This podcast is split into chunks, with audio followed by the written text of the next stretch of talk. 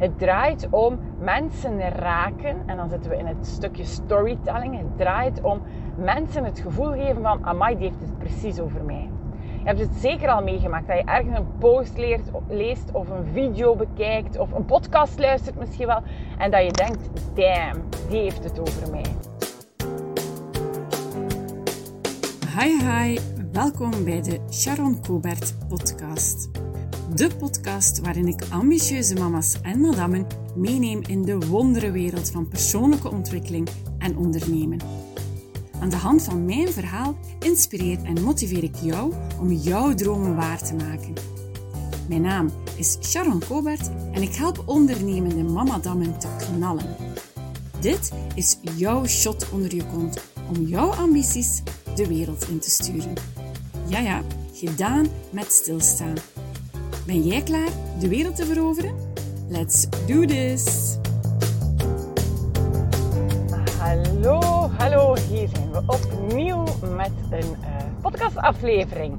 En ik wil het vandaag met jou hebben over jouw ideale klant.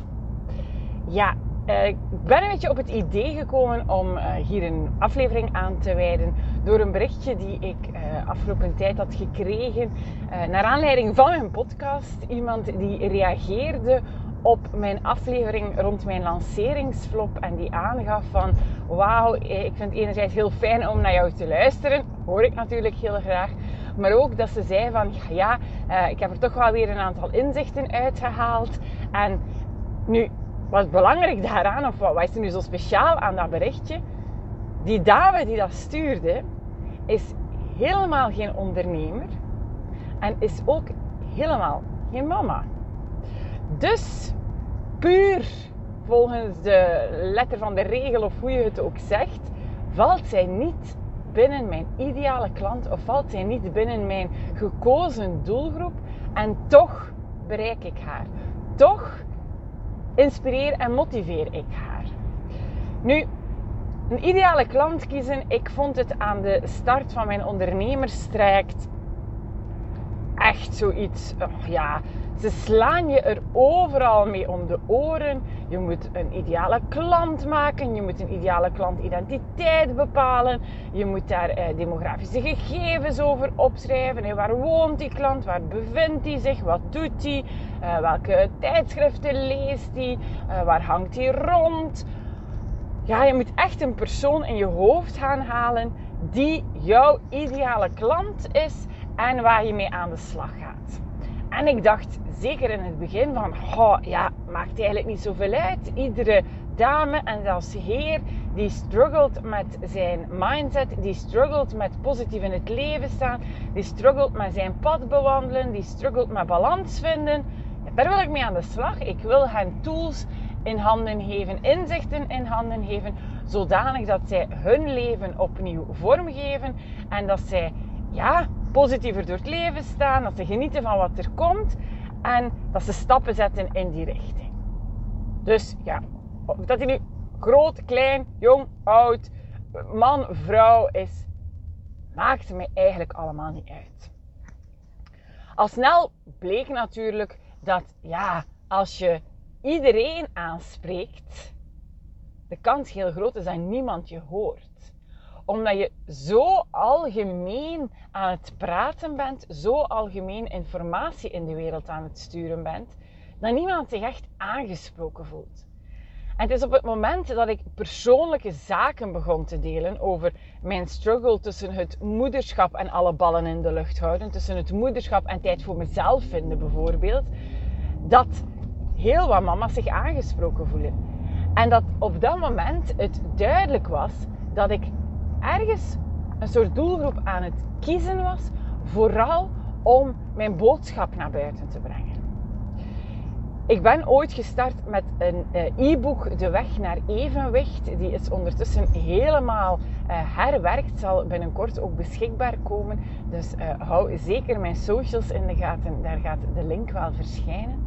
Maar de e-book is origineel opgemaakt voor echt mama's die evenwicht kwijt waren. Die de ballen niet meer in de lucht konden houden. En dat e-book is echt heel veel gedownload. Ik denk dat ik aan plus 300, 400 downloads zit. op het moment dat ik daarmee naar buiten kwam. Op het moment dat ik de mama's begon aan te spreken.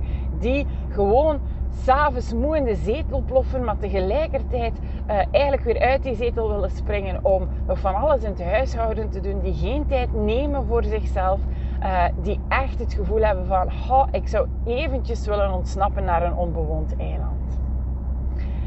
En op dat moment merkte ik een verandering in mijn bereik. Ik merkte een verandering in mensen die het e-book downloaden. Ik merkte een verandering in het aantal volgers op mijn social media.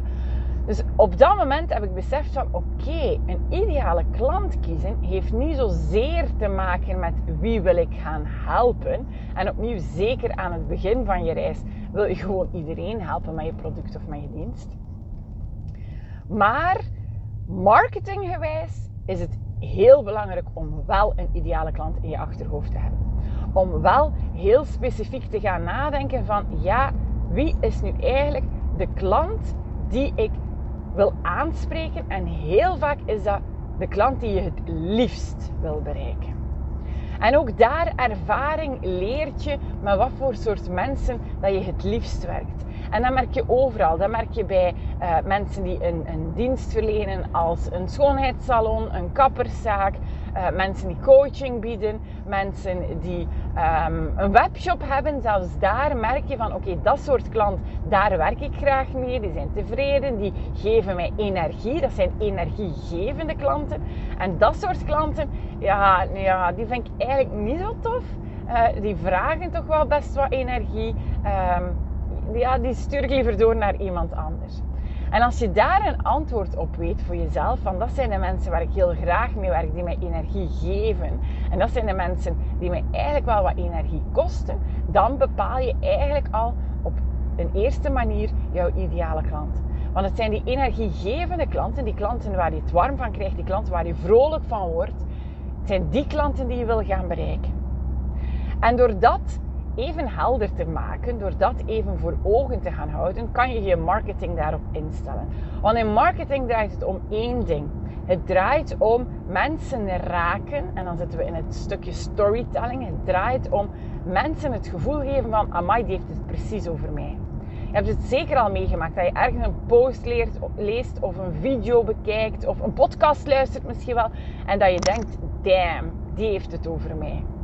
Ik kan ook niet kiezen in mijn ideale klant. Of ik loop vast in het kiezen van mijn ideale klant bijvoorbeeld. Een niche hangt daar uh, mee samen. Een niche is jouw ideale klant. En ook nog wat ruimer jouw product en jouw dienst die je daaraan koppelt.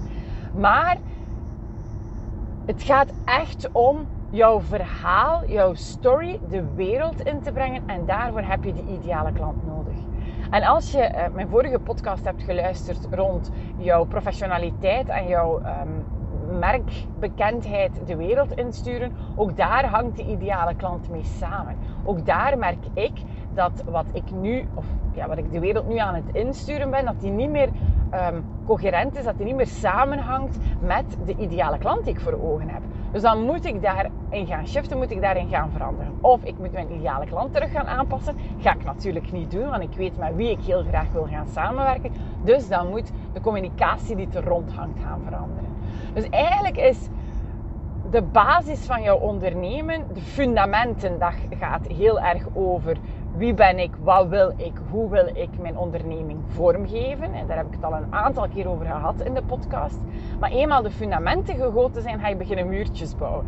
En die hoofdmuren, dat is de kern. En daar moet af en toe aan getimmerd worden. Af en toe moet er eens een muur gesloopt worden om een nieuwe te zetten. Of moet er eens een muur helemaal opgefrist worden.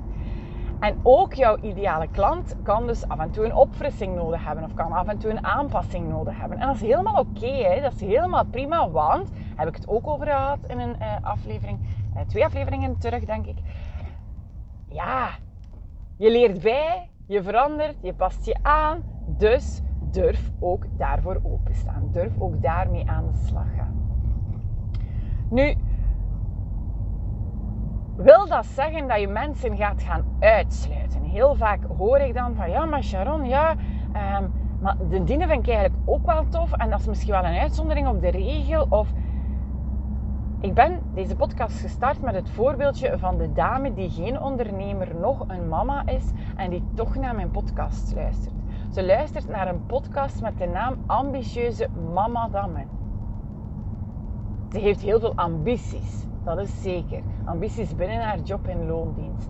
Maar ze is geen ondernemende mama. En ze is, al geen, ze is geen mama. Maar toch luistert ze naar mijn podcast. Toch inspireer en motiveer ik haar. Toch kan ze bij mij terecht voor het stukje mindcoaching. Ik kan haar vooruit helpen. En het is niet omdat je bepaalde dingen de wereld inzet en in de kijker zet, dat andere dingen niet meer mogen of andere dingen niet meer aan bod kunnen komen.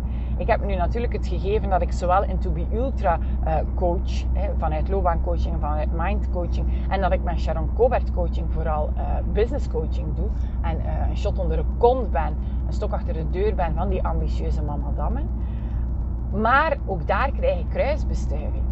Wil dat zeggen dat er nooit mannen bij mij komen? Absoluut niet. Zeker in loopbaanbegeleiding heb ik best wel wat mannen. Maar ook in mindcoaching komen er mannen. Er zijn ook mannen die mijn programma, mijn online programma volgen. Er zijn ook mannen die naar workshops komen die business gerelateerd zijn. Dus het is niet zo omdat jij een bepaalde groep gaat gaan kiezen dat je de rest helemaal uitsluit. Dat de rest nooit meer welkom bij jou is.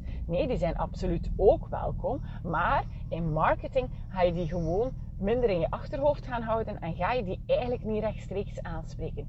Die komen dan heel vaak bij jou terecht omwille van jouw uitstraling, omwille van jouw persoonlijkheid, omwille van het feit dat ze jou kennen of dat ze via via bij jou terechtgekomen zijn. Dus die gaan niet zozeer aan op de boodschap op zich of de, de boodschap die je brengt, die herkennen zich daar niet in. Die gaan wel aan op de kern van jouw boodschap, op het achterliggende van jouw boodschap en heel vaak op jouw persoonlijkheid en op jouw dienst die je daarmee brengt. Nu, ook voor bijvoorbeeld webshops is het belangrijk om een ideale klant voor ogen te houden. Ik had um, een klant in 1 op 1, een coachie in 1 op 1, die een webshop heeft voor um, decoratiematerialen, interieur, inrichting, heel toffe spulletjes. En zij dacht, ja, iedereen kan dat toch kopen. Iedereen heeft toch een woonkamer, iedereen heeft toch een keuken, iedereen moet af en toe eens een cadeautje kopen.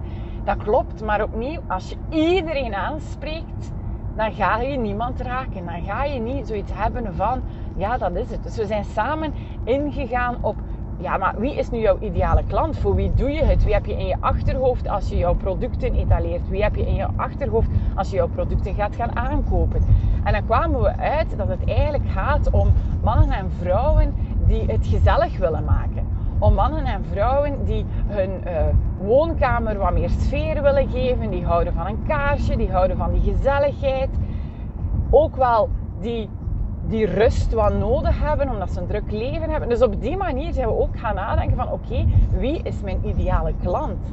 Als je natuurlijk een webshop hebt uh, of, een, of een dienst hebt die heel erg gericht is op babytjes, om maar iets te zeggen, ja, dan is jouw ideale klant een babytje of eerder de mama van het babytje of de papa van het babytje. Dan ga je die ouders moeten gaan bereiken. Maar bijvoorbeeld ook grote ouders kunnen daar een rol in spelen. Want grootouders die gaan ook heel vaak voor hun kleinkinderen dingen gaan kopen. En die gaan misschien wel uh, op een andere manier moeten aangesproken worden. Misschien wil je je net daarop richten om je te gaan onderscheiden van alle andere baby winkels, webshops, whatever baby. Dus het is belangrijk om gewoon even stil te staan bij, en dat is meteen de opdracht van vandaag voor jou. Sta even stil bij wie ben ik op dit moment aan het bereiken.